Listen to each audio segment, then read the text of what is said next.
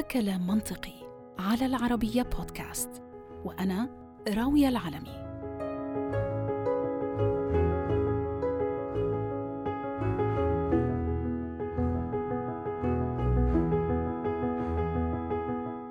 السيارات الكهربائية هي تكنولوجيا جديدة نسبياً في عالم صناعة السيارات الحديث. على الرغم من أنه كثير من شركات السيارات التقليدية صنعت سيارات بتصير كهربائياً بشكل كامل البعض الآخر اختار طبعاً أنه يبني سيارات هجينة بتعمل على الوقود التقليدي والكهرباء في ذات الوقت. شركات كتيرة وعلامات تجارية شهيرة منها نيسان اليابانية مثلاً صنعت سيارة نيسان ليف. فورد وشيفروليه الأمريكيتين صنعتا فوكس وفولت ومرسيدس بنز صنعت إي كيو سي وأودي صنعت e-tron. ولابد من ذكر عملاق تصنيع السيارات الكهربائية الأقوى تسلا طبعا وطرازها الأشهر S هاي السيارات هي وسيلة رائعة مش بس فقط للتوفير بل إنها واحدة من أعظم وسائل حماية البيئة ومحاربة التغير المناخي اللي أصبح الآن الشغل الشاغل للكثير من الحكومات والأفراد على حد سواء. السيارات التقليدية بتنتج كم هائل من الانبعاثات الكربونية زي ما بتعرفوا. وهاي الانبعاثات بتسبح في غلافنا الجوي وبتسبب أنواع مختلفة من التلوث والغازات الدفيئة اللي بدورها بترفع من درجة حرارة الأرض وبتسبب الكثير من الكوارث الطبيعية. وعليه فإنه السيارات الكهربائية تظهر وكأنها منطقياً أحد أكثر الخطوات العملية للحد من هاي المشاكل. كثير من الحكومات على فكرة حول العالم هاي الأيام تحديداً بتشجع الناس على اقتنائها عن طريق تقديم دعم أو تسهيلات مختلفة طبعاً كله اعتراف وتقدير منها للعامة على محاولة مد يد العون للحكومات في الحد من ظاهرة الاحتباس الحراري. التحدي طبعا ما زال بيتمثل بحجم الاستثمار الأولي كون أنه زي ما بتعرفوا أسعار السيارات الكهربائية مرتفع جدا مقارنة بسعر السيارات التقليدية. لكن المدافعين عن الفكرة بيشوفوا أنه إيجابيات اقتنائها بفوق وبمراحل السلبيات المتمثلة بأسعارها الباهظة. مثلا أسعار أغلب هاي السيارات بتتراوح ما بين 50 ألف ل 120 ألف دولار.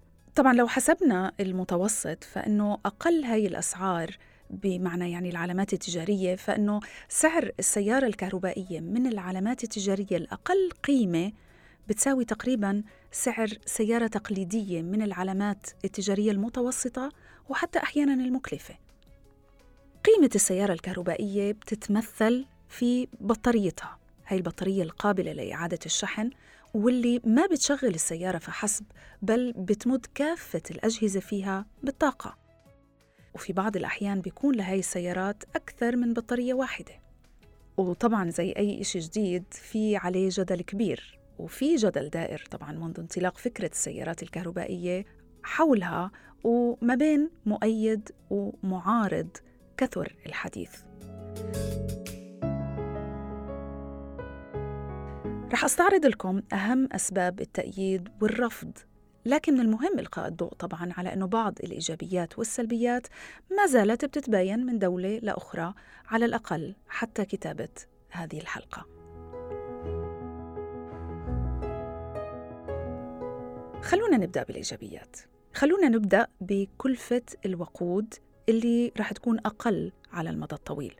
إعادة شحن السيارة طبعا بكلف أقل بكتير من تزويدها بالوقود على المدى الطويل من دون شك خصوصا لما منعرف أو أنت بتعرف أنك قادر على شحنها بالبيت. سعر الكهرباء أقل من سعر الوقود في غالبية الدول. وكمان بعض الحكومات بتقدم خصومات ضريبية لملاك السيارات الكهربائية فضلا عن إنه فكرة إنه البعض بيقوم بتركيب لوحات شمسية في منازلهم الآن حتى يخفضوا كلفة استهلاك الكهرباء أو حتى إلغائها نهائياً. من الإيجابيات أيضاً تقليل طبعاً الانبعاثات الكربونية في الجو. بحسب وكالة حماية البيئة الأمريكية فإنه السيارات التقليدية اللي بتستهلك جالون واحد من الوقود كل 22 ميل فإنها بتبعث في المتوسط ما مقداره 4.6 طن متري من ثاني أكسيد الكربون سنوياً في الجو. السيارات الكهربائية طبعا على النقيض. هي بتبعث صفر طن متري وهو ما بيجعلها كما يقال صديقة للبيئة وعلى الأغلب أقرب أصدقائها. كمان السيارات الكهربائية بتحتاج لصيانة أقل بكثير من السيارات التقليدية. السيارات التقليدية فيها قطع كثيرة متصلة ببعضها البعض وبتعتمد على بعضها مثل المضخات والصمامات وبتحتاج كمان لسوائل عدة ناهيك طبعا عن الزيوت والحاجة المستمرة لتغييرها. السيارة الكهربائية ما بتحتاج لأي شيء من اللي ذكرته ولأنه الكهربائية ما بتملك كمان هذا الكم من القطع فما في حاجة للتصليح أو التغيير المستمر وبالتالي حاجتها للصيانة بتكون أقل بكتير. ناهيك طبعا عن إنها بتدوم لفترات أطول مقارنة بغريمتها التقليدية لأنها ما بتستهلك مثلها. أيضا من الإيجابيات الأداء العالي. نظرا لأنه السيارات الكهربائية ما بتملك نظام العوادم يعني الإكزوست فهي بتعمل بيسور وبتعمل بسلاسة أكبر بكتير من السيارات التقليدية. وكمان طبعا الهدوء هي السمة الأكثر تميزا فيها بينما التلوث الضوضائي اللي كلنا بنعاني منه هو يمكن أكثر مساوئ السيارات التقليدية وضوحا. هذا بالإضافة أيضا أنه المحركات الكهربائية أكثر وأسرع استجابة من المحركات الميكانيكية. هذا بيجعلها ذات عزم أعلى وخفة أكبر. كذلك استهلاك السيارات الكهربائية للطاقة هو أقل بكتير من السيارات الميكانيكية خصوصا في حالات الحركة والتوقف المستمر وهو اللي بينطبق على الحياة طبعا والقيادة في المدن. إيجابية أخرى أنه السيارات الكهربائية أكثر راحة. المتحمسين لإلها بيصروا على إنها على عكس ما بيعتقد الكثير من الناس من هاي الناحية وهو لصعوبة إيجاد محطات شحن وإنتوا على الطريق. هم بيقولوا بأنه عادة شحن سيارتك في بيتك هي من إيجابيات امتلاكها. فأنت مش رح تغادر بسيارتك إلا إذا كانت مشحونة. تماما مثل ما بتعمل بالهاتف الهاتف الجوال اللي أنت بتملكه. وطبعا كل ما عليك فعله هو خلق هاي العادة وجعلها عادة يومية. كمان يقال إنه محطات الشحن هاي الأيام آخذة بالازدياد وإنه بعض موديلات هاي السيارات مثل تسلا وبعض الماركات الأخرى بتملك خاصية الاستجابة الصوتية. وكل ما عليكم فعله هو سؤال السيارة عن أقرب محطة شحن والسيارة رح تقودك إليها.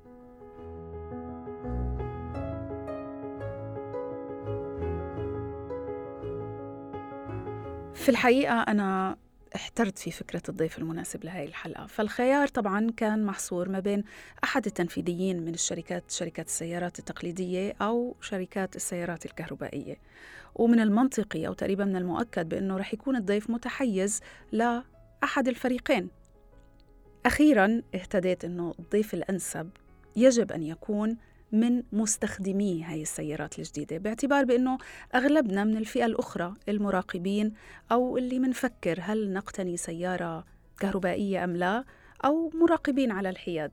فمن باب مقولة اسأل مجرب ولا تسأل خبير بما أنه رح نسأل مجرب بحب أرحب بضيفي في الاستوديو وزميلي فادي راضي مدير قسم الإبداع في العربية المتحمس للسيارات الكهربائية. وبدنا ناخذ هيك فكرة أكثر عن تجربتك الشخصية. أول شيء أهلا وسهلا فيك فادي معنا في كلام منطقي.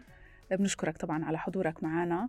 ويعني أنا فكرت ولقيت إنه يمكن أفضل ضيف وأكثر ضيف ممكن آه، يعطي فكرة حقيقية عن السيارات الكهربائية واستخدامها الحقيقي العملي. آه، هو شخص عنده سيارة كهربائية له فترة وبسوقها كل يوم. وبقدر يعطينا هيك يعني صورة واقعية وحقيقية على آه، شو ممكن نتوقع منها أول إشي قديش إلها عندك السيارة؟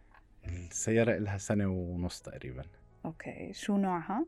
تسلا موديل 3 okay ليش تسلا؟ اشمعنى تسلا؟ في كتير شركات تانية مثل شركات عملاقة مثل فولفو، بورشي، VW برضه بيصنعوا سيارات كهربائية، ليش تسلا؟ yeah. أول أول شيء تسلا يعني عندهم باع أطول شوي من السيارات التانية.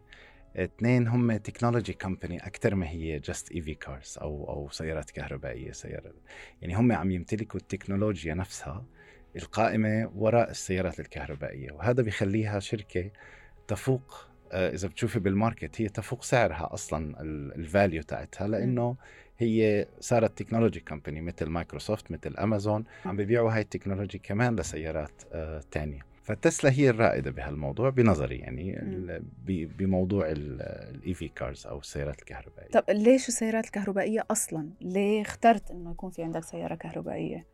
الفكرة حلوة. أول شيء أنا إنسان بحب كتير ال technology بحب كتير الأشياء الجديدة. اثنين أول شيء إذا أخذنا الموضوع من ناحية ال environment فهو شغلة كتير حلوة للبيئة صديقة للبيئة. رغم إنه التصنيع ال chargers ثبت إنه هي بتستهلك آه، مضرة مضرة للبيئة. مضرة للبيئة بشكل أكبر. بس إنه على الأقل الحياة اليومية اللي إحنا بنمارسها بيكون لو حاولنا نخفف عن البيئة بيكون شيء كتير كويس. هاي من ناحية. من ناحية تانية التكنولوجيا كتير حلوة اللي موجودة بالسيارات الكهربائية. بساطتها يعني أنا أول ما شفت تركيبة السيارة من الداخل الميكانيكية تاعتها فهي كانت عبارة عن موتور ورا موتور قدام و AC system هذا اللي موجود فيها. ما في أي نظام للتبريد ما في أي نظام للزيت ما في ولا أي بتحط نظام. زيت ولا بتحط مي ولا ممكن نهائياً. تحمى ولا يمكن نهائيا. أنا لي سنة ونص هلأ بدي أبعث السيارة لل service لأول مرة. آه wow. لأول مرة اللي هي هاي نقطة مهمة كتير إنه هي ممكن بتوفر هلأ طبعا رح نحكي عن سعرها لأنه هي إحدى المشاكل أو المعيقات اللي بتخلي الناس ما تقبل عليها كثير على الأقل بهاي الفترة. نعم. آه، ولكن يعني عمالك بتوفر بال service بانك تعملها آه، يعني ال service اللي عادة بنعمله كل ست أشهر أو أقل آه، بالسيارات التقليدية. نعم. ال service ما في service هو في software update بيجي بوصل على للسيارة عن طريق التطبيق أو عن طريق السيارة ممكن نعمل ال software update وهذا اللي هو التحديث لهذا ال software أو لل اللي هو النظام الداخلي للسيارة. آه، بتم آه، يعني بصف السيارة بعمل ال update هي برجع بلاقي صارت تغير فيها أشياء انعمل فيها أشياء. لو في أي خلل أو خطأ مباشرة بتعطيني هذا الخطأ على التليفون. فأنا بقدر أشوف السيارة آه، شو وضعها بقدر أتحكم تحكم كامل. طبعا إذا يعني ممكن بعدين نحكي عن التطبيق وكيف نتحكم فيه بالسيارة لأنه هذا كمان كثير مهم من رح نوصل رح نوصل لهذا الموضوع. نعم. هلأ أنا عندي شعور بما أنك أنت رئيس قسم الإبداع ومعروف طبعا فادي زميلنا ومبدع آه، بالعربية كل ال graphics اللي بتشوفوها وغيره وال branding آه، طبعا هو آه، قائم عليها. حاسة إنه أكثر شيء جذبك بالسيارة هو ال technology مش مش فكرة إنها كهربائية وصديقة للبيئة وكذا مع إنه يمكن هذا عامل كمان. صحيح. يعني هو في أنا بحب دائما التكنولوجيا بحب يعني مثلا البيت كثير عندي آه، أشياء هي smart home technology ال AC بتحكم فيه من من ال من ال من الموبايل آه، الإضاءة كل هاي الأشياء. حتى نظام الري كمان بتحكم فيه من الموبايل. فهي الفكرة إنه السيارة كمان توافقت مع السمارت كيف يعني؟ طب اشرح لنا أكثر فادي. كيف كيف بت يعني أنت كمحب للتكنولوجيا وعندك مستوى معين آه، يعني بتحب إنه يكون بيتك كله برضه فيه تكنولوجيا سيارتك فيها تكنولوجيا. كيف هذا الإشي يترجم بالتسلا مثلا؟ كيف بتحس فيه؟ اللي بيسوق كيف بحس بهاي التكنولوجيا؟ أول شيء يعني كثير بتصير معنا إنه أنا والله نسيت المفتاح م. للسيارة أو نسيت السيارة شغالة أو نسيت أو تسكر الباب والمفتاح ضل جوا. كل هاي الأشياء خلص صارت من الماضي. okay كيف؟ آه لأنه السيارة مربوطة بالتليفون. مجرد ما أوصل جنب السيارة بتصير السيارة accessible إلي لإني أفتح الباب وأدخل جوا بس مع على باستخدام بس التليفون. بالبلوتوث اللي هو باستخدام التليفون. okay. حلو. ما فيش مفتاح. حتى المفتاح تاعها هو عبارة عن كرت مثل مثل بطاقة الائتمان نفس نفس آه طب الحمد لله لأنه إذا ضيعته مش رح تضيع تليفونك على الأقل. ف... بالضبط. حتى لو تليفون ما في آه، خلص الشحن مثلا أو آه. كذا فممكن يكون السيارة شغالة. الفكرة إنه مجرد ما تدخلي بالسيارة بتعمل هي ال settings اللي انت أو اللي هي الإعدادات اللي انت فيها. يعني آه الكرسي كيف شكله التحكم بالمكيف آه بيكون عن طريق الشاشة وعن طريق اللمس. ممكن أنا أحدد اتجاه الهواء عن طريق اللمس. كيف يكون اتجاه الهواء لفوق لتحت كل هاي الأشياء. بس مش هاي الخصائص موجودة بس ببعض السيارات التقليدية المتقدمة التكنولوجيا مثلا؟ هي موجودة وبس هي مجموعة كلها في مكان واحد. الحلو بالموضوع إنه مثلا موديل 3 اللي عم نحكي عنها هي عبارة عن إذا شبهناها iPad كبير موجود داخل السيارة فقط ما. في أي شاشة تانية. هي شاشة واحدة فيها التحكم كامل من هاي الشاشة وهاي الشاشة من من من يوم ما اشتريت السيارة إلى اليوم تغير شكلها يمكن عشر مرات لأنه كل مرة بيشوفوا هم ال user experience شو الأحسن شو الأريح شو الأشياء اللي موجودة وبيضيفوها على هذا automatically بتظهر عندك. بدون ما ت... لأنك ما رحتش لسه ولا مرة ما رحتش ولا مرة. أعمل service okay آه، فيها نظام مشبوك على ال GPS آه، نظام خرائط نظام live traffic كمان فلما بدي أروح أي مكان مجرد ممكن أشغل ال voice control وأحكي بدي أتوجه إلى برج خليفة السيارة لحالها بتبلش تعمل ال navigation وبتشوف لي أحسن طريق لأنه ما في traffic أو في traffic حسب يعني مم. زحمة السير. أو أو هيك فكل هذا الموضوع بيجي بشكل يعني تلقائي وأوتوماتيكي من السيارة نفسها. طبعا هو زي كل شيء في له إيجابيات وفي له سلبيات طبعا أنا ب... من بداية البودكاست كنت عم بحكي عن هذا الموضوع إيجابياتها وسلبياتها أنت بالنسبة لك كنت عارف أكيد يعني كنت عامل بعض البحث وعارف شو إيجابياتها وسلبياتها ولكن لما بلشت تستعملها فعلا هل في إشي صدمك فاجأك سواء كان على الصعيد السلبي أو الإيجابي بالسياره الكهربائية تسلا اللي امتلكتها يمكن أنا لأنه متعود كثير على التكنولوجيا.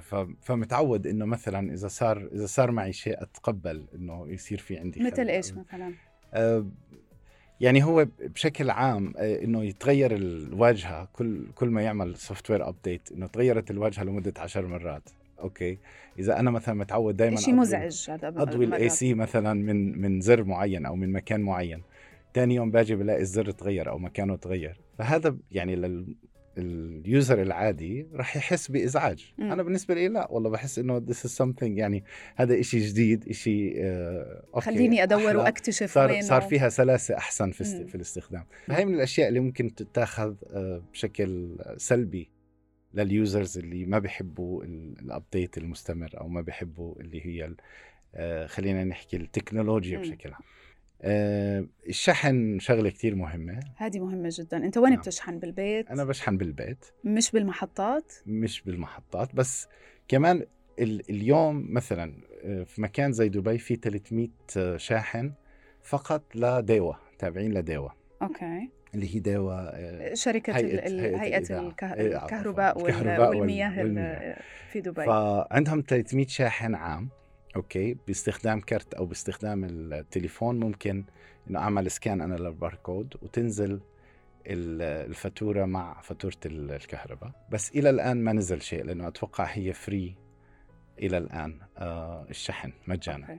في شواحن تسلا شواحن تسلا مجانية موجودة تقريبا بمجموعه كبيرة من الأوتيلات بالمولات بتقريبا معظم الأماكن اللي موجودة مجانية لأنه لأنه لس يعني عم بيحاولوا إنهم آه، يوسعوا دائرة المستهلكين ال- آه، مالكين هاي السيارات فبيشجعوهم ولا هذا شيء رح يضلوا هيك يعني؟ طب إيه. مين بيدفع حق فاتورة الكهرباء لل... للناس اللي بيشحنوا خارج بيوتهم؟ نعم. هلأ التسلا هي عندها هاي المبادرة عندها مبادرة إنه تقدم شحن مجاني للسيارات. و- وبالمناسبة شحن السيارة مش كتير مكلف. يعني يعني بالبيت لما لما ركبت الشاحن ما فرقت فاتورة الكهرباء ابدا نهائي. نهائيا. معقول. لأنه هي مثل كأنك أنت ضفتي ثلاجه على البيت. مش أكثر معقول. لأنه الشحن اللي عم تاخده السيارة شحن كتير بسيط بالنسبة للاستهلاك ال- الكهرباء. كمان السيارة بيجي معها شاحن عادي اللي هو تاع 240 فولت اللي موجود ب- بأي جهاز تاني. وهذا ممكن استخدامه في أي مكان. يعني, يعني أي إذا رحت تزور حدا من أصدقائك وحسيت إنه لازم ممكن ما ترجعكش السيارة على البيت بتقدر تحطها بس ب... ب... نعم. بالكهرباء عند ال... عند الأصدقاء. عند الناس. طبعا ال- الفرق إنه بدفعوا هنا الفاتورة بس هلا بدفعوا الفاتورة بس مش حتزيد يعني مش حتزيد كثير كأنهم. عملوا لي قهوة يعني.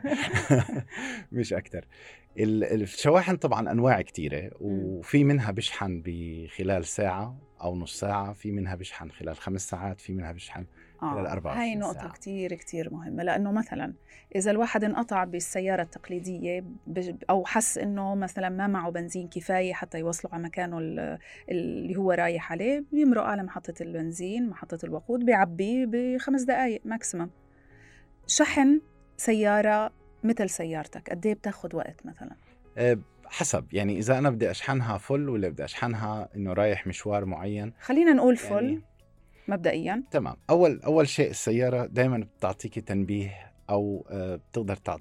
بتقدري تـ check ي كم ضايل على الشحن. مم. بتعطيكي كم كيلومتر تقدري تمشي بهذا الشحن. فإذا أنا رايح مشوار ومحتاج إنه أشحن أكثر ممكن مثلا أروح على المول أصف السيارة أشرب قهوة ساعة زمن أكون قدرت أروح فيها مشوار طويل. يعني- مثلا خلينا نقول الشحن الشحن ال full كم كيلو بي بي بي بيعطي الشحن الفل طبعا بيعتمد على نوع السيارة بس نوع سيارتي أنا فيها موتورين بتاخذ تقريبا يعني بتمشي 420 كيلومتر بالشحنة الواحدة اللي الفل. هي الفل والفل قد إيه بياخد وقت لتشحنه؟ الفل بياخذ من من أربع لخمس ساعات إذا كانت من صفر أوكي آه في- سيارات تاخذ أقل في سيارات تاخذ أكثر طبعا حسب اللي هي قوة السيارة نفسها. بس إذا مشوار قريب مثلا مش كتير بعيد تقدر تشحنها بنص ساعة؟ ربع ساعة حتى ما في مشكلة. آه. إذا هذا لو لو ما في لو ما في أي أي شحن يعني ربع ساعة ممكن تكفي. بس هو في شغلة نفسية بهذا الموضوع. لما الواحد يشوف بطارية موبايله صارت أقل من 20% وصارت تضوي أحمر هون بصير في توتر. هذا نفس التوتر موجود بالسيارة. أنا بتهيألي إنه توتر لسه أكبر بكتير بالسيارة لأنه أنا ممكن يعني أعلق بنص الطريق بنص ال- الطريق السريع. هذا سؤال آخر مثلا. نعم. لو علقت بنص الطريق السريع هلا التطبيق تاع تسلا في مساعدة على الطريق مباشرة بيجي بيجي ونش بشحن السيارة مباشرة أوكي بس هذه ما صارت معي الحمد لله لأنه دائما أنا بس بتابع الشحن. بتكون عامل حسابك عامل يعني. حسابي مم. بس اجمالا ما في يعني آه هاي المشكلة قليل إنها تصير مع حتى مع الناس لأنه بالنهاية السيارة بتنبهك حتى لو انت مثلا رايحة مشوار معين وحطيتي على ال navigation أنا رايح مم. ل Downtown مثلا بهاي الحالة هو بيعطيكي إنه الشحن لا يكفي. أها. أو إنه الشحن يكفي وفي في كذا. فهي السيارة كمان بتنبهك هاي بهذا جمالية الموضوع. التكنولوجيا هاي الموجودة. التكنولوجيا. إنه مش مش بتتركك تتفاجئي بالموضوع بالعكس يعني هي بتكون على اطلاع دائم مع معك على التنبيهات اللي هي بت- بترسل لك إياها طب. مستخدمي السيارات الكهربائية سواء كان من تسلا أو غيرها آه، بدولنا خصوصا اللي لسه ما فيها هالبنى التحتية. طبعا إحنا بنحكي مثلا مثلا في دبي لأنه في آه، است- استخدام عالي لهي السيارات وإقبال عليها. أعتقد أنه يمكن البنى التحتية فيها مؤهلة أكثر أكيد من دول عربية أخرى. ولكن في كتير دول عربية بناها التحتية غير مؤهلة. ما في محطات للشحن ما في كل ال- ال- الميزات اللي بتحكي عنها. بتقدر تشحن بالمول بتقدر تشحن ب- ب- بأي منطقة. هل هناك تطبيق؟ كيف بيقدر يعرف السائق وين في محطات شحن؟ هل عن طريق تطبيق؟ هل عن طريق تكنولوجيا اللي موجودة في السيارة نفسها؟ آه، أم ماذا؟ هلا ال- الفكرة إنه مثلها مثل أي أي شيء بالدنيا اليوم مثلا كل شيء أنا محتاجه عن طريق تطبيقات بقدر أحصل عليه. في كتير developers عملوا تطبيقات خاصة بال EV chargers أو اللي هي الشواحن الكهربائية. مجرد إنه أنزل أنا هذا التطبيق بقدر أعرف حوالي كم في شاحن ووين موجود الشاحن وكم بدي لأوصل هذا الشاحن وأعمل navigation أو أعمل اللي هو آه، أروح بالسيارة لهذا لهذا الشاحن. فهي معلومة موجودة ومتوفرة وبسهولة بسهولة كبيرة. بتوفرها ال- السيارة نفسها ممكن أنا أعمل search على أقرب شاحن. التطبيق نفسه بوفرها. وفي تطبيقات خارجية كمان بتوفر هذا الموضوع. ال- الأشياء ال- ال- الجميلة اللي موجودة كمان بالسيارة إنه مثلا ال security فيها كتير عالية من ناحية إنه ال- السيارة ممكن إنه أشغل أنا فيها شيء بسموه Sentry Mode اللي هو عبارة عن آه، نظام خليني أحكي تحسس أو لأنه السيارة مزودة ب 16 كاميرا. ال 16 كاميرا هاي 16 كاميرا. 16 كاميرا. هاي ال 16 كاميرا هي بتفرجيني بعد السيارة عني السيارات اللي حوالي من الأمام من الخلف من تعطيك صورة الجنب. بانورامية هيك من فوق ل نعم، هلأ برضه هذا موجود نوعا ما ما بعرف موجود كاميرا بس, بس يعني هم مشغلين فيها أربع تقليدية. كاميرات. اللي أنت تقدري تشوفيها وال 12 كاميرا الثانية موجودة للتحسس وبالنسبة إذا يعني صار في كأنها مجسات تعتبر بس مم. هي كاميرات مم. يعني أنا بكون عم بسوق بشوف إذا جنبي دراجة نارية مثلا بتبين. إذا جنبي مثلا دراجة هوائية بتبين. إذا حدا ماشي بتبين. بتعطيني 3 دي موديل للشخص هذا داخل السيارة إنه موجود عندي على هذا البعد. السيارات اللي جنبي السيارة مثلا اللي على يميني ممكن تكون ترك بعطيني صورة ترك أو شاحنة. السيارة اللي على يساري مثلا سيارة أصغر ممكن يعطيني. فهو بي بيعطيني الجو كامل حوالين السيارة مع البعد عن كل سيارة بالمتر. okay. وهذا بيعطيني تكنولوجيا كثير مهمة إذا أنا مثلا بدي أصف السيارة. ال auto park موجود في كل في كثير سيارات بس sorry بس بالدقة اللي هو موجود فيها بالتسلا بالطريقة اللي بس مجرد أنت تعملي start هي بتقيس أقرب parking لإلك وبتمشي. هلأ في نظام كمان موجود بس لسه ما طبق في الإمارات بس موجود مثلا في أمريكا إنه أنت مثلا تنزلي من المول تنزلي من السيارة بتقولي للسيارة أه تروح تصف لحالها. يا سلام. هذا يا ريت لو يصير مطبق بالإمارات يعني أيوه. أو بالدول العربية هاي شغله كثير حلوة. بوفر علينا كثير تمام. إنه السيارة بتروح هي بتفتش على ال parking الله. بتصف ولما تخلصي انت وجاية بدك حامله الأغراض الباب. تستدعيها بالتطبيق بتيجي لعندك. رائع. آه، أو السياره مثلا خلينا أحكي بأيام الشوب. أنا قبل ما أنزل مثلا أروح على السيارة بشغل آه، بشكل تلقائي درجة المكيف وب check درجة الحرارة بعمل ال settings اللي أنا بدي إياها قبل ما أروح للسيارة. كمان إذا أنا حامل أغراض وكذا وهيك مجرد البلوتوث لا بدي أطلع مفتاح ولا بدي يعني كمان مجرد إني أفتح السيارة بهذا الشكل. فهي كلها تسهيلات أو أشياء بسيطة جدا بس لإنها بالحياة اليومية بتساعد بشكل كثير بشكل كبير. كبير طبعا يعني إحنا مش عم نحاول نروج أنا ما ابدا مش عم بحاول اروج السيارات الكهربائية السيارات الكهربائيه هلأ لأ هي أكيد فكرة السيارات الكهربائية نعم. فكرة نعم. عظيمة على الأقل بس عشان نحمي آه، بيئتنا وكوكبنا من آه، كل الأضرار اللي إحنا عمالنا من آه، يعني بنرميها على هذا الكوكب والدليل كل التغير التغير المناخي والاحتباس الحراري اللي عم بيصير هاي فكرة جميلة ولكن أنا أكيد مش عم بروج لا لتسلا ولا لأي نوع سيارات كهربائية أخرى وأنا الحقيقة يعني حبيت إني أستضيفك علشان ناخد آه، يعني نظرة متوازنة من حدا بيستخدمها. بس لهلأ أنت ما حكيتليش إلا على الإيجابيات. أكيد في نعم. سلبيات. مش معقول إنه ما يكونش في سلبيات غير تغيير التكنولوجيا المستمر. نعم. هلأ أكيد في سلبيات. الأولى آه، أنت ذكرتيها إنه أنا ممكن أروح آه، أعبي السيارة بنزين أي مكان. هون لازم أفتش على شواحن وشواحن معينة لازم يكون معي كيبل الشاحن نفسه إذا لأنه في في بعض الشواحن ما بتوفر الكيبل انت لازم يكون معك السلك اللي اللي تشبكي فيه اللي هو موجود بالسيارة بس إذا أنا ناسيه بالبيت ممكن ما أشحن. أه شغلة الثالثه اللي هي أه السعر. السعر كمان. غالية كثير السعر فهي يعني نوعا ما سوقها نخبوي مش مش متاحة عامة الشعب من اللي صح. مثلي مثلا. هلا الفكرة مثلا موديل 3 آه، موديل 3 تعتبر آه، من أرخص السيارات اللي الكهربائية. فبالتالي آه، قلت لي أنت قعدت طلبتها قبل بقديش؟ أنا طلبت السيارة قبل سنتين ونص. قعدت سنتين ونص استنيتها سنتين ونص. سنتين ونص. wow. آه وهي كانت الفكرة. طويل الحقيقة فعلا بس هي الفكرة كتير كتير حلوة إنه أنا بس دخلت على ال website. عملت حجز للسيارة م. دفعت مبلغ بسيط وصاروا يبعثوا لي update إنه okay السيارة آه، حاليا بتم الشحن لهي الدولة حاليا بتم الشحن لهي الدولة. آه، فلما وصل الدور لعنا كان في حوالي سنتين ونص. لما استلمتها كانت بداية كورونا فكمان تأخر التسليم كمان كم من شهر أصلا على أساس أنه يعني كان أصلا ال lockdown كله موجود. ف...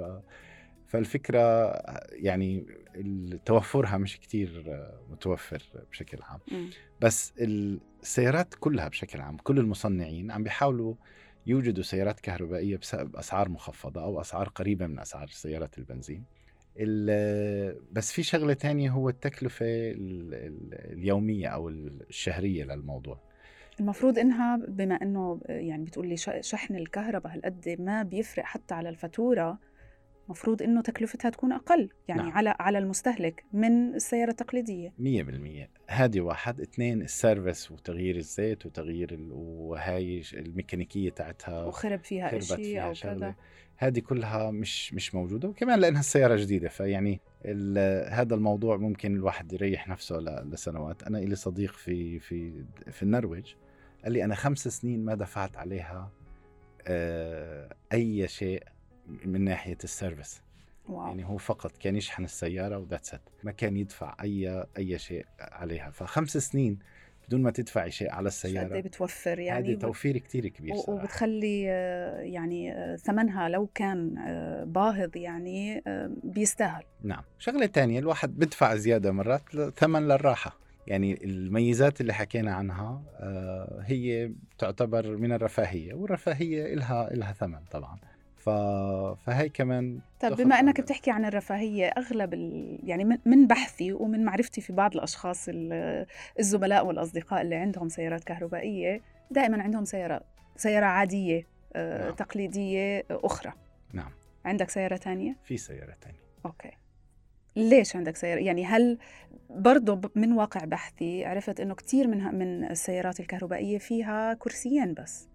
آه اللي بخليها مش عملية لحدا عنده عيلة مثلا فلازم يكون عنده سيارة تانية. لا السيارة اللي عندي بتوسع خمس أشخاص. أوكي. آه بس هي في يعني معظم ال- العائلات عندهم بيكون سيارتين سيارة لل- للعائلة وسيارة لأنه يعني كل واحد بيستخدم السيارة. آه أنا بالنسبة بس لي ليش مش سيارتين كهربائيات مثلا إذا هالقد يعني مشجع الله؟ يعطينا ونجيب السيارة الثانية كهربائية إن شاء الله إن شاء هلأ. أنا مثلا على سبيل المثال حجزت ال Cybertruck وكمان حجزته من من باب ال من باب ال fun أول شيء أو ال- وبعدين بشوف إذا بعدين فعلا بشوف إذا اي كان افورد إذا كان إذا كان الموضوع. بس إنه حجزها بتطلب يعني 150 دولار فقط تدفعيهم عن طريق ال website وإذا وصلت السيارة وبيسألوك إذا بدك إياها أو أو لا. وبهاي الحالة أنت بتقرري بناء عليها. بس لأنه الح- الحجوزات بتكون طويلة فممكن الواحد إنه يعني أنا مثلا حجزتها من سنة وشوي تقريبا. سنة ونص. فلسه ضايل كمان سنة أو سنة ونص ل... لتجهز السيارة ويبلشوا إنهم يسوقوا فيها. okay. فبهذاك الوقت ممكن آخذ قرار إنه أستمر فيها أو أتركها. okay.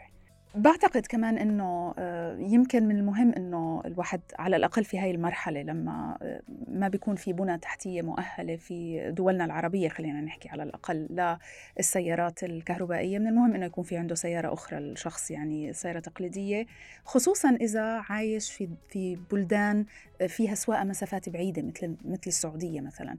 فممكن يعني بكل سهولة إنها تنفذ بطارية ال- السيارة في نص الطريق وأنت على الطريق السريع. هذا الحكي ممكن ما يصير معنا بال- بالإمارات يعني ولكن بتهيألي إنه هي فعلا مشكلة حقيقية بتكون بدول مثل السعودية مثلا.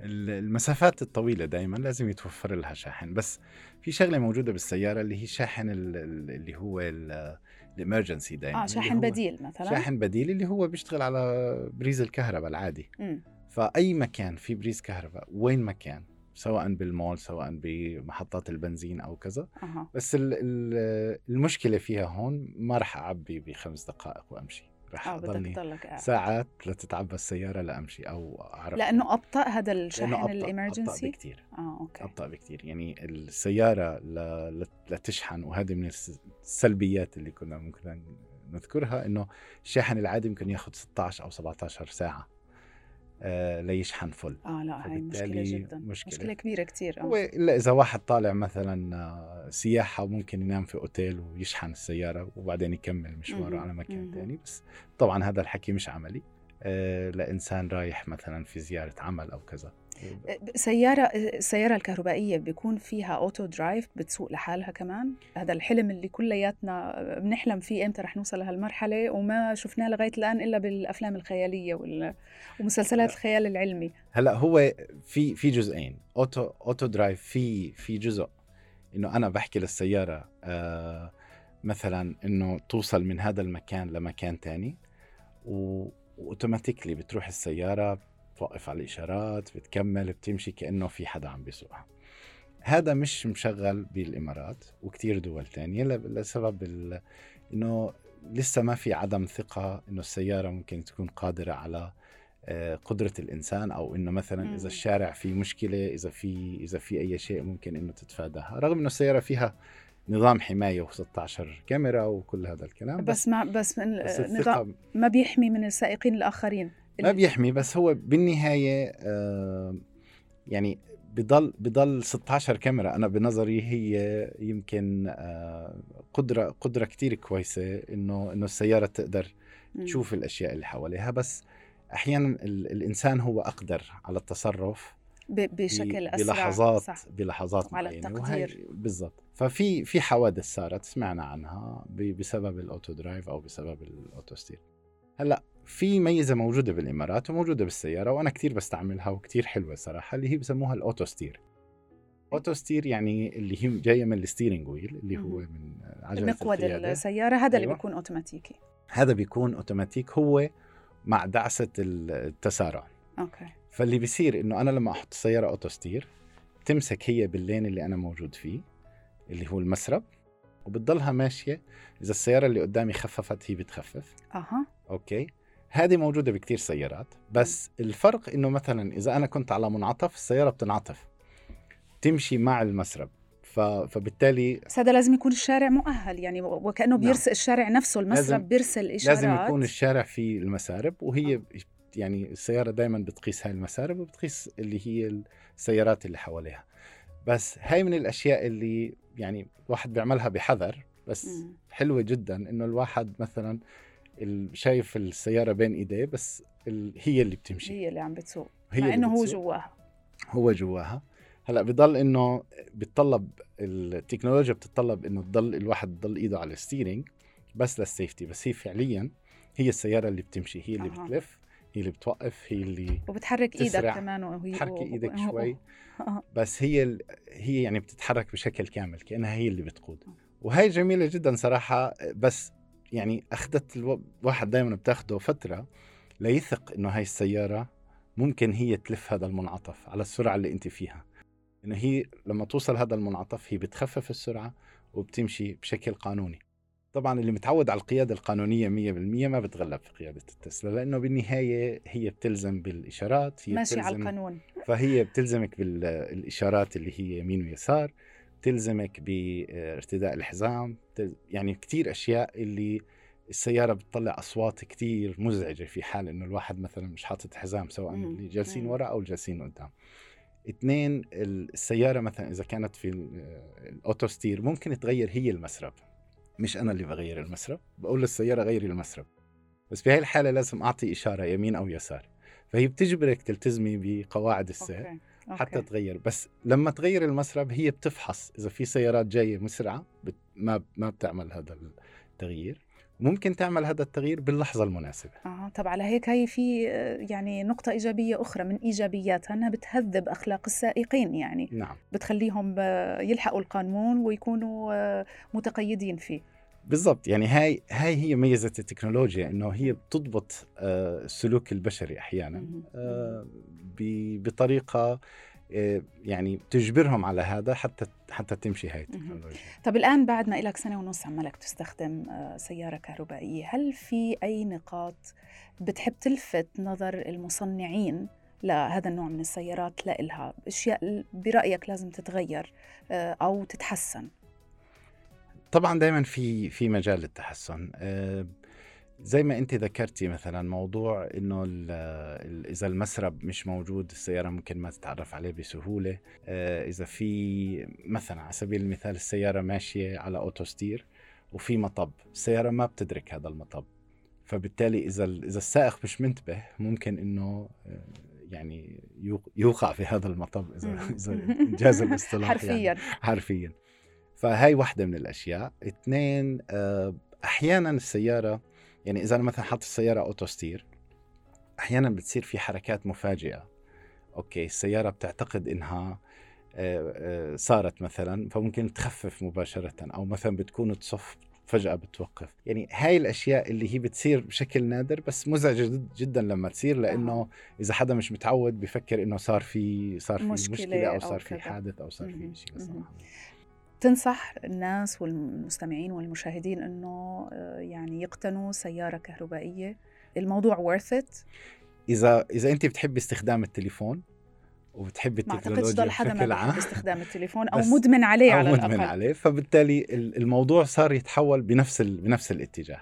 آه، استخدام التكنولوجيا كتير حلو للناس اللي بتحب التكنولوجيا وكتير مزعج للناس اللي بتكره هذا هذا الإطار.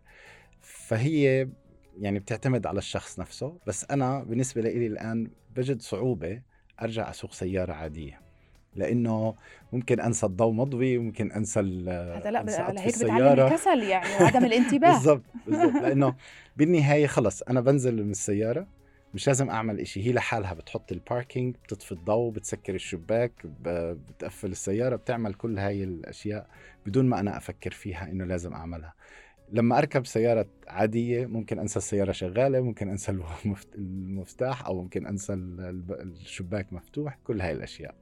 التعود على التكنولوجيا صعب إنه الواحد يرجع لورا. مثل بالضبط مثل, مثل الهاتف الذكي اليوم. أنت صعب ترجع تستخدمي هاتف النوكيا أو النوكيا مثلا القديم. صح مزبوط مزبوط. إمتى بتعتقد أو بتتوقع بأنه السيارات الكهربائية رح تصير متداولة بشكل كبير؟ ممكن تحل محل السيارات التقليدية؟ سواء كان من ناحية الإقبال علشان الأسعار رح تصير في متناول الجميع بشكل أكبر أو يعني من ناحية انتشار الوعي بأهميتها وفوائدها للبيئة مقارنة بالسيارات التقليدية. طبعا الموضوع يعني بتعلق بكتير بكتير عوامل منها البنى التحتية لكتير دول أو كتير منها القوانين منها تقبل الناس. بدها وقت يعني. بدها وقت كثير طويل. طويل كتير؟ طويل كتير. يعني في في دراسات بتقول إنه عام 2050 إحنا بلزمنا 700 مليون سيارة آه، كهربائية. بينما الإنتاج الحالي مع كل السيارات الحالية هو 20 مليون سنويا فقط يعني. أه. فبالتالي الموضوع كثير كثير بده لساتنا بعد نعم. لساتنا بعد. ولكن طبعا آه، خطوة إلى الأمام هي بتجعل الطريق للهدف أقصر. 100% شكرا كثير فادي لوجودك معنا في كلام منطقي وعلى هاي المعلومات المفيدة و... وسليتنا حبينا ال... حبينا الكاستمر جيرني زي ما بقولوا. شكرا, آه لك شكرا شكرا لك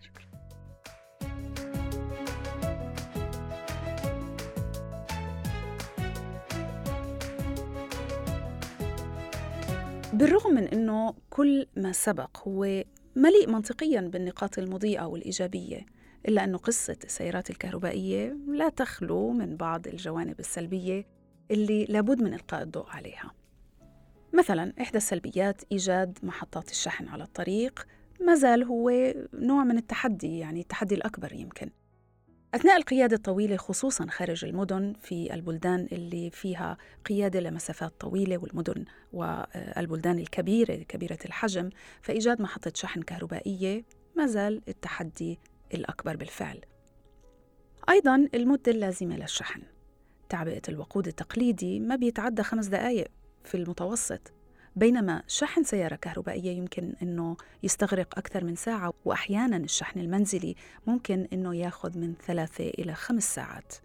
وفي حالات خاصة ممكن أنه يستغرق أيام خصوصا إذا ما كانت البطارية فارغة تماما.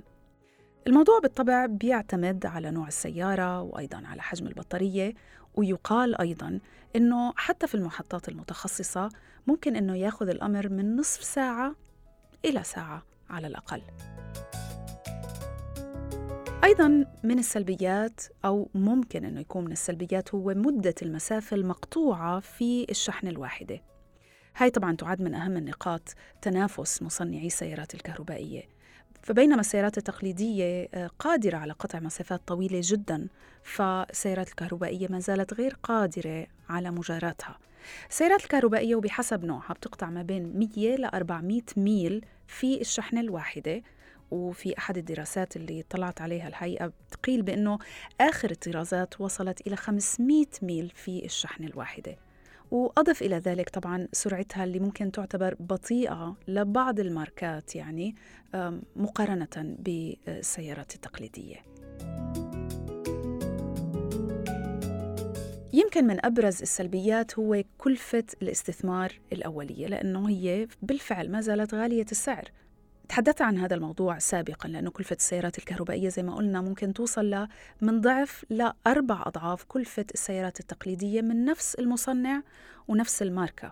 على فكرة مش بس تسلا اللي بتصنع سيارات كهربائية هناك عمالقة صناعة السيارات التقليدية بيصنعوا سيارات كهربائية مش سيارات هجينة ولكن كهربائية بالكامل منها نيسان تويوتا مرسيدس زي ما كنت ذكرت في البداية حتى فولفو وبورشي وجاكوار بنتلي هذا بس لذكر البعض يعني مش للحصر. بعض السلبيات بتتمثل بكلفة تغيير البطارية. بالرغم من ضعف هاي الاحتمالية إلا أنه ما زالت هي احتمالية واردة. اعتمادا طبعا على ماركة السيارة وطريقة أو كثرة استخدامها وإذا كانت جديدة كليا أو تم شرائها مستعملة. بالرغم من أنه هاي الكلفة انخفضت كثيرا في السنوات القليلة الماضية إلا أنه إحنا ما زلنا بنتحدث عن متوسط سعر 6000 دولار للبطارية. هذا إذا ما اضطرينا أنه نغيرها وهو اللي بيساوي ثمن سيارة عادية مستعملة في بعض الأسواق وبعض البلدان. يقال أيضا بأنه تبعا لماركة السيارة متوسط عمر البطارية هو ما بين ثلاثة لعشر سنوات. إحدى النقاط السلبية الأخرى هي عدم ملائمتها لبعض الدول مثلا أو بعض المناطق. في كتير من الدول بتعاني نقص مستمر طبعا في الطاقة الكهربائية حتى من دولنا العربية. وتخيلوا الدول اللي بتعاني من أجل إنارة البيوت وإنارة الشوارع والمدارس والمصانع كيف إلها إنها تتبنى هذا النوع من السيارات؟ لاحظت أثناء بحثي أن هناك الكثير من الحقائق المثيرة والملفتة للسيارات الكهربائية وحبيت أني أشارككم بعض المعلومات اللي يعني نوعا ما فاجأتني أو على الأقل ما كنت أعرفها. السيارات الكهربائية طبعا هي مش جديدة هي قديمة للغاية. بتصدقوا أنه يعود تاريخ صناعتها أو صناعة أول سيارة كهربائية لعام 1884 كانت على يد الإنجليزي توماس باركر وهو كان مسؤول عن تشغيل الترام الكهربائي في لندن وسيارته كانت بتعمل على بطاريات كهربائية يعني قديمة جدا. أيضا الآلاف من السيارات الكهربائية كانت بتجوب الشوارع في القرنين التاسع عشر وحتى القرن العشرين لأنه محركات الحرق الداخلي الدارجة هلأ الآن كانت لسه في بداياتها. وكانت كثيرة المشاكل وهذا جعل السيارات الكهربائية ذات شعبية كبرى وظلت كذلك حتى تقدمت صناعة المحركات التقليدية وزادت حاجة الناس للسفر لمسافات طويلة. معلومة لطيفة أخرى أنه السيارات الكهربائية تستعمل الآن على سطح القمر وهي تابعة لوكالة ناسا الأمريكية. هاي السيارات هي لونر روفر. أيضا رغم أن السيارات الكهربائية قادرة على عدم إصدار أي صوت بتاتا إلا أنه هناك قانون سنه الاتحاد الأوروبي عام 2019 أمر المصنعين بخلق صوت ما لحتى ينبهوا المشاة والدراجين في الشوارع لقدوم هذه السيارات الكهربائية. طبعا لحتى يضمنوا السلامة والأمان. من المعلومات اللي وجدتها كمان بأنه النرويج حددت عام 2030 لتكون نسبة السيارات الكهربائية في شوارعها ما بين 50 ل 55% وأنه تكون جميع السيارات الموجودة في النرويج سيارات كهربائية في عام 2050 سيارة بيويك ريفيرا كانت بتملك touch screen في عام 1984 على فكرة. توقفت لأنه الجمهور حكم عليها بوقتها بأنها رح تشتت انتباه السائقين وهلأ ما بعتقد أنه ضل في سيارة بدون touch screen أيضا من المعلومات المهمة بأنه بحسب ال Wall Street Journal فإنه صندوق الاستثمار السعودي التابع للحكومة السعودية على وشك تحقيق نسبة عائد أرباح خيالي في مجال السيارات الكهربائية. بعد ما استثمر 2.9 مليار دولار في شركة السيارات الناشئة لوسيد لتصبح قيمة استثماره في الربع الثالث لعام 2021 26 مليار دولار وإنه حصة أسهمه البالغة 60% من الشركة إلها قيمة سوقية تعادل 46 مليار دولار بحسب موقع businessinsider.com معلومة أخرى تسلا الآن بتقدم ميزة خاصة بالحيوانات الأليفة بحيث يمكن الضغط على زر جو الكلب dog mode هذا طبعا إذا اضطر السائق لمغادرة السيارة لوقت ما وهي بتبقي درجة حرارة القمرة الداخلية مناسبة للحيوانات. لا بل إنها بتعرض رسالة للمارين بأنه الأمور بخير ما يقلقوا بحيث درجة الحرارة مريحة للحيوان بداخل السيارة. في ختام حلقتنا. يبدو أن السيارات الكهربائية قادمة لا محالة. شأنها شأن أي اختراع جديد في بداياته هي ممكن تبدو كالمولات التجارية في بداياتها أو الحواسيب الشخصية الكمبيوترز أو الهواتف النقالة حتى. في البداية مننتقدها وفي وقت قصير منتسابق على اقتنائها. على الأقل هذه المرة تبدو وكأنها تقليعة ذات أثر رائع وجميل نحتاج للإبقاء على الكوكب اللي منعيش فيه. لكن برأيي المتواضع ما زال هناك تحديات أساسية لجعل السيارة الكهربائية سلعة أساسية في حياتنا وهي البنية التحتية المتمثلة في شبكات الشحن وضرورة مسابقة الزمن لانتشارها والثانية هي سعر هاي السيارات وأخيرا خدمة المستهلك أيضا واللي ما رح نعرف مدى فعاليتها لحتى تنتشر هاي السيارات. والشركات المصنعة إلها بشكل كبير نسبياً بيتعدى الخمسين بالمية من المركبات اللي بتجوب الشوارع. وحتى ذلك الحين لسه عنا وقت نفكر بالموضوع. أنتوا أعزائي شو رأيكم؟ اقتنعتوا بالفكرة؟ هذا كلام منطقي على العربية بودكاست. وأنا راوية العلمي. أشكركم ودمتم دائما بأمان بإذن الله.